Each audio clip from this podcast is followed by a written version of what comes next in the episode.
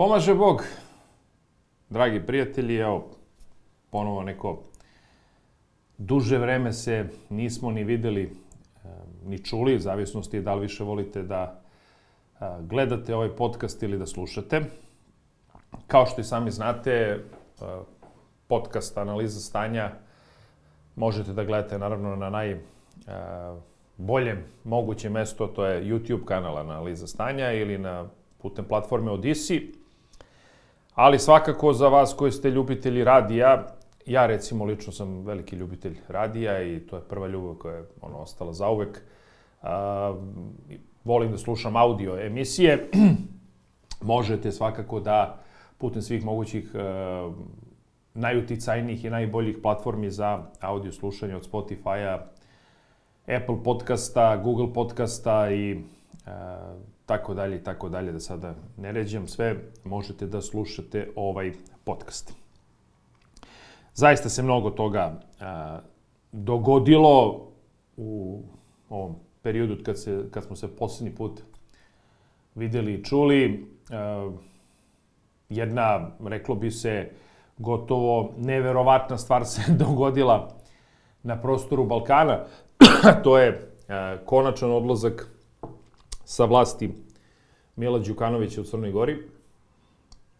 Šta da vam kažem, posle toliko godina borbe, lično sam dosta učestvovao u tim različitim oblicima borbe protiv njegove vlasti, od e, različitih oblika izbora, preko onog referenduma sve do danas i tako sve te godine kako su prolazile, E, mislio sam da ću taj dan, ne znam kako, proslaviti kad on zaista ode sa vlasti, jer zaista sam smatrao da je on neko ko kao apsolutni konvertit je učinio mnogo toga lošeg po srpske nacionalne interese i po a, srpski narod u Crnoj Gori pre svega. Međutim, momentom njegovog pada bio sam onako prazan, jer dubini duše sam osetio i to se da sve više ovaj, da se vidi da na njegovo mesto dolazi opcija koja je takođe strogo kontrolisana ovaj, sa zapada i koja je u dubini duše onako jedna potpuno prazna opcija bez ikakvog programa, plana, bez ičega. Ali opet, znate, kada je neko 34, 35 godina na vlasti, koji je imao sve moguće a, prerogative kao, kao jedinka, a ne kao država, nego on je bio zapravo država, onda svakako njegovim, njegovom smenom dolazi neko ko ipak pitanje je koliko će mu trebati vremena da tako nešto slično postane. I ne verujem da će Jakov Milatović, mada ko zna, znate, ovaj, u politici nikad ne reci nikad, ali ne verujem da će ikada steći tu vrstu harizme, popularnosti, e, uticaja, e, kao što je to imao Milo Đukanović. Ne slažem se sa tom činjenicom da on bio autokrata u smislu a, e, diktatora i tako dalje, jer on je izlazi uvek na neke izbore i pobeđivao, ne na neke, nego pobeđivao. Sad, kako je pobeđivao, način po njegovih pobeda je bio prilično sporan, s obzirom da je Crna Gora mala zemlja i sa malim brojem stanovnika i da na neki način se svi izbori godinama nazad su mogli da se kontrolišu, zapravo. Ali, opet, ne, ne možemo da isključimo ni tu činjenicu da je on danas pao sa 40% podrške. Znači, sa gotovo 160 i nešto hiljada glasova, što za Crnu Goru mnogo i ta njegova opcija e, definitivno se neće ugasiti. Ta, ta politička ideja koju on zagovara, ona živi kod građana Crne Gore. Imate jedan deo građana Crne Gore koji apsolutno je dominantno postao antisrpski nastrojen, što je veliki problem. E sad, kako će se oni raspodeliti? Ja pretpostavljam da Jakov Milatović ima neku svoju strategiju i da zato je odmah krenuo sa pričom o genocidu u Srebrenici i i sa pričom o tome da a, nastavljaju se sankcije Rusiji, da Crna Gora neće ovaj, povući priznanje nezavisnosti Kosova i slično, upravo da bi pristalice Mila Đukanovića preveo na svoju vodenicu. A, za to vreme srpsko biračko telo se dosta homogenizovalo. Srpsko biračko telo u Crnoj Gori je osnaženo, postalo je veoma važan faktor i bez njega se neće moći baš tek tako da formira vlast. Tako da će Crna Gora negde u budućnosti, ako želi da napreduje, morati da pravi neku vrstu kompromisa između dve strahovito zavađene strane, jedne krajnje antisrpske i jedne, naravno, koja je apsolutno srpska. I na toj nekoj e, varijanti mislim da će u buduće morati da se igra kako bi imali zemlju koja koliko toliko funkcioniše. S druge strane, vi ne možete da izbegnete ni faktor Srbije koji je veoma važan, zato što ogroman broj familija, porodica, kako god hoćete, je povezan sa Srbijom. Ljudi Crne Gore masovno dolaze ovde, studiraju, osnivaju porodice i slično. I nemoguće je da, da se to odvoji, preseče e, sekirom onako i kažemo mi sad nemamo nikakve veze sa Srbijom i slično. Jednostavno, pozvani smo jedni na druge. S druge strane, Crna Gora je članica NATO-a i Crna Gora će morati definitivno da poštuje odluke najveće vojne alijanse e, na svetu. S tim u vezi nemojte da nikako smeknete, smetnete suma da e, zapadni, posebno američki faktor, pa evo evropski, ima ozbiljan uticaj u Crnoj Gori. Tako da će se tu mnogo toga prelamati, ali da bi se funkcionisalo moraju da se prave kompromisi, život je pun kompromisa i to je tako. Znači, strogo srpska opcija, neće moći da bude nikako samostalna na vlasti ni u ludilu. I to se neće dogoditi, nikad ne reci nikad u politici, ali sigurno dogledno vreme se neće dogoditi. Kao što ni strogo antisrpska, odnosno ova crnogorska, a, pošto naravno mi ćemo svi koji se trudimo da štitimo naše nacionalne interese uvek na neki način pomalo negirati ta, tu tu komunističku tvorevinu crnogorske nacije, ali ona jednostavno je zaživela, pa makar i 45. i makar pod, pod, e, pod Milovanom Đilasom, ali je zaživela i neko, ne možete vi nekoga na silu da naterate da se osjeća drugačije. Ako on kaže da je nacionalno crnogorac, on je nacionalno crnogorac i to morate da uvažite, sad šta god da je. Ali ima jedan deo ljudi koji se nacionalno izjašnjavaju kao crnogorci, ali koji znaju svoje srpsko poreklo i ne žele da ga se odreknu. Imate i taj deo ljudi u Crnoj Gori i tu će negde morati da se pravi taj, taj kompromis da e, i Vuk bude sit i da ovce budu na, na broju, što bi se reklo, odnosno da svi, svi budu, budu zadovoljni. E, otuda, e, što se tiče Crne Gore, čekaće nas ozbiljna, ozbiljna iskušenja ali kako se bude u svetu e, pravio sve veći haos, a čini mi se da idemo ka sve većem haosu, tako će se i ovde na Balkanu usložnjavati situacija. E, razni faktori će recimo pokušavati da podrivaju Srbiju upravo zbog njenog principijalnog stava da ne uvodi sankcije Ruskoj federaciji i zbog toga što ne priznaje nezavisnost Kosova i zapadni faktor će sve učiniti da Srbiju podriva sa svih mogućih strana u smislu podrivanja pre svega unutar samog sistema, urušavanja vlasti, um, pravljenja koje kakvih afera i tako dalje, podsticaja oružanog sukoba na Kosovu i Metohiji, stalnih incidenata u Bosni i Hercegovini u smislu političkih tenzija pre svega. Ne verujem da će ići do te mere daleko da, da, da počnu ratni sukob. Ali što se tiče Kosova i Metohije, tu će dopustiti i čak i oružano da se, da se nešto dogodi. A, upravo da bi se Srbija uvukla u sukob i proglasila krivom i proglasila krivom za a, nekakav rat. Mi vidimo da se Ukrajini polako mm, baca u zaborav šta se tamo dešava. Kao da nekako čini mi se, a dopuštam naravno da grešim i tu ste vi, možda ćete me ispraviti, ali čini mi se da polako Ukrajini a, svima je jasno da će Rusi morati neki svoj deo kolača tamo da uzmu i da moraće da se uvaže ruski interesi kao velike sile. Neće se dopustiti svakako da Rusija u potpunosti pobedi, ali jednako tako neće se baš ni prihvatiti činjenica da a, Rusija može da dođe do Kijeva. to se neće dopustiti i verovatno će se tu ići na neki kompromis. Trenutno je takva situacija da mi se čini da je Ukrajina nekako puštena polako niz vodu, da je svima jasno će Rusiji taj istočni deo lagano uzimati i stvarati faktičku situaciju i reći u momentu to je sad naše u potpunosti, ajde da pravimo nekakve pregovore, evo mi ovo uzimamo i to je to. Ne javljaju se stalno ta ukrajinska kontrofanziva, ne zna koliko je Ukrajina sposobna da izvede, posebno ako nema dovoljnu zapadnu logistiku za tako nešto, a, za to je potrebno ozbiljno naružanje, za to je potrebno ozbiljan a, broj obučenih ljudi, s obzirom da u dosadašnjem sukobu da je toliko ljudi izginulo i da je toliko tehnike polupano, ne verujem da a, Ukrajina ima tu sposobnost da izvrši tu vrstu kontraofanzive.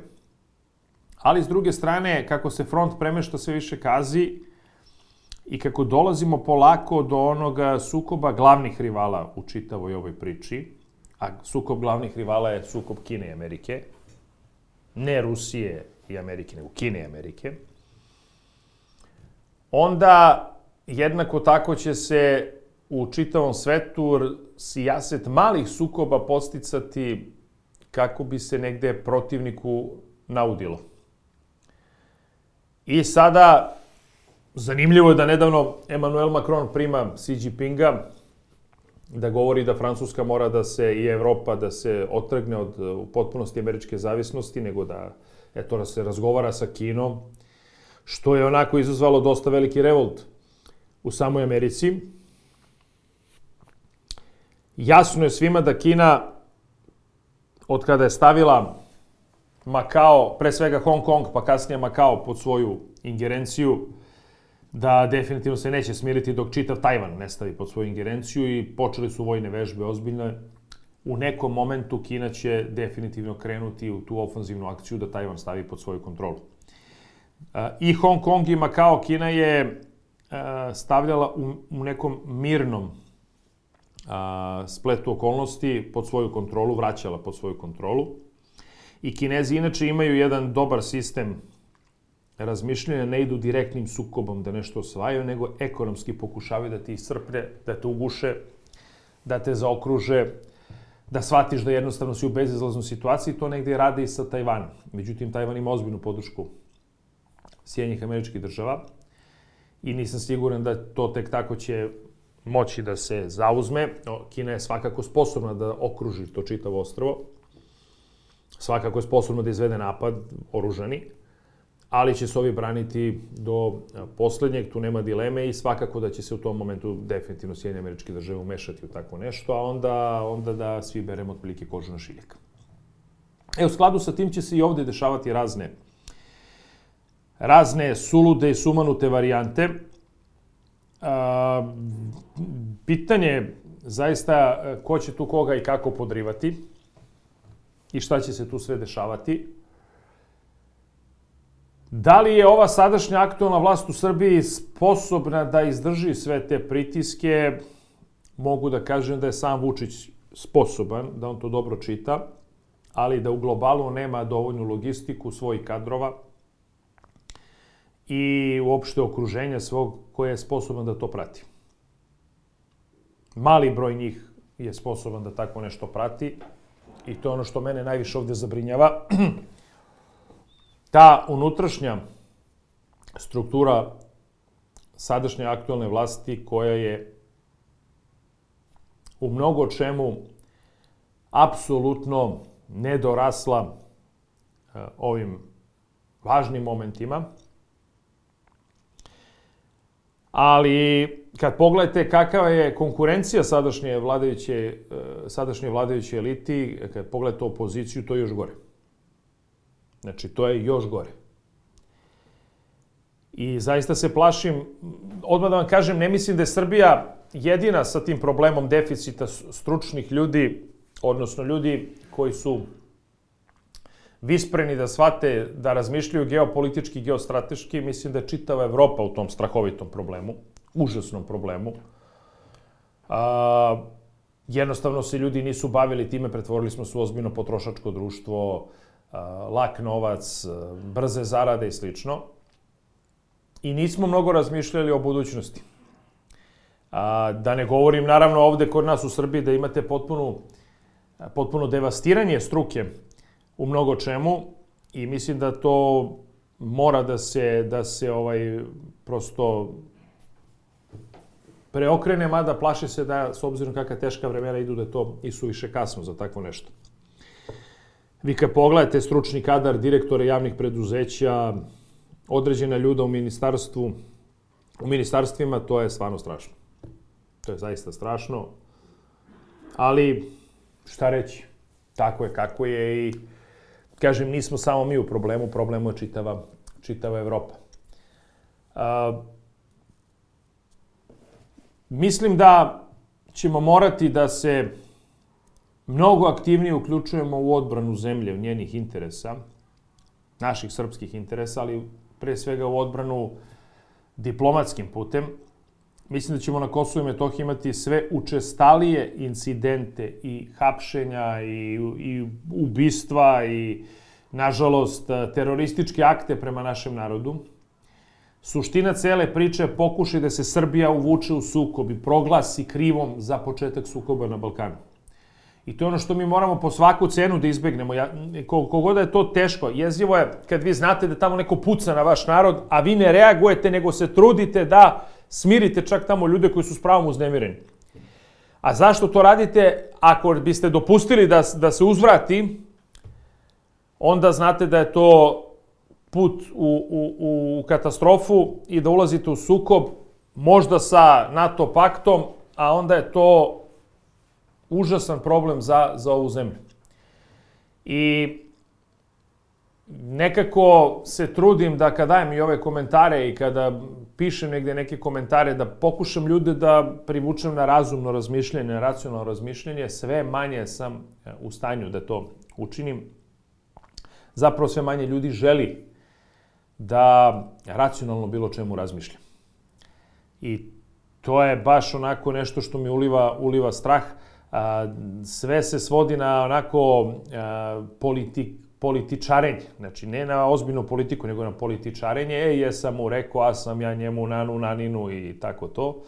A nema ozbiljne politike, ozbiljne polemike, ozbiljne rasprave, ozbiljne diskusije i to je nešto što strašno zabrinjava. Nema čak ni želje da se gleda tako nešto.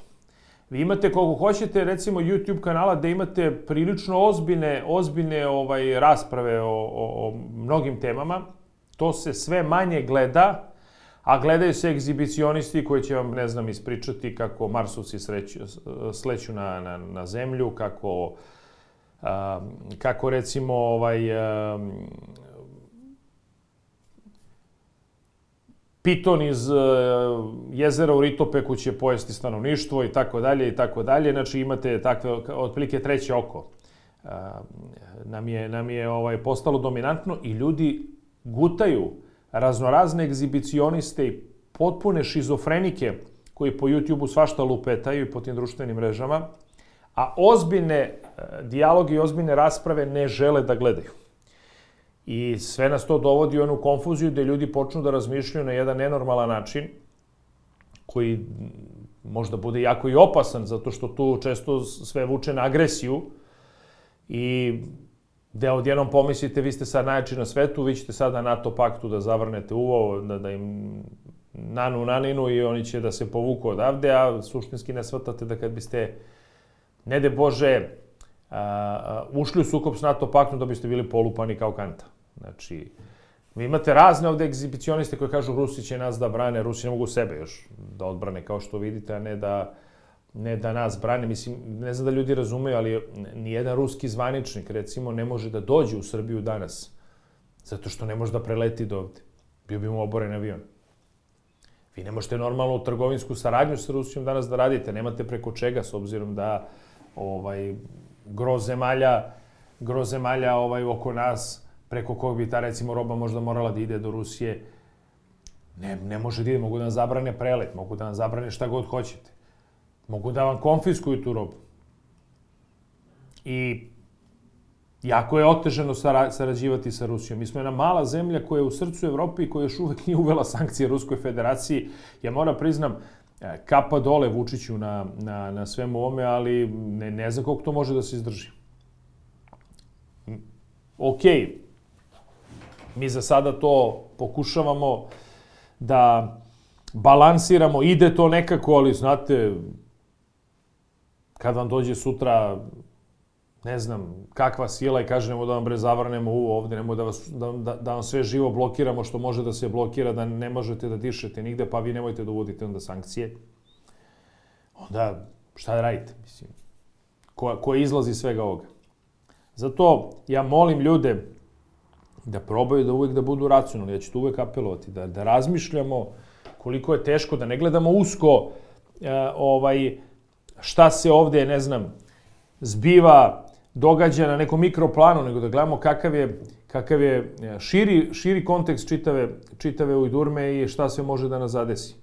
Namerno sam krenuo s Crnogorom, jedna mala država, ali toliko, toliko toga se tamo izdešavalo što može da dosta poremeti geopolitičku i geostratešku situaciju na Balkanu.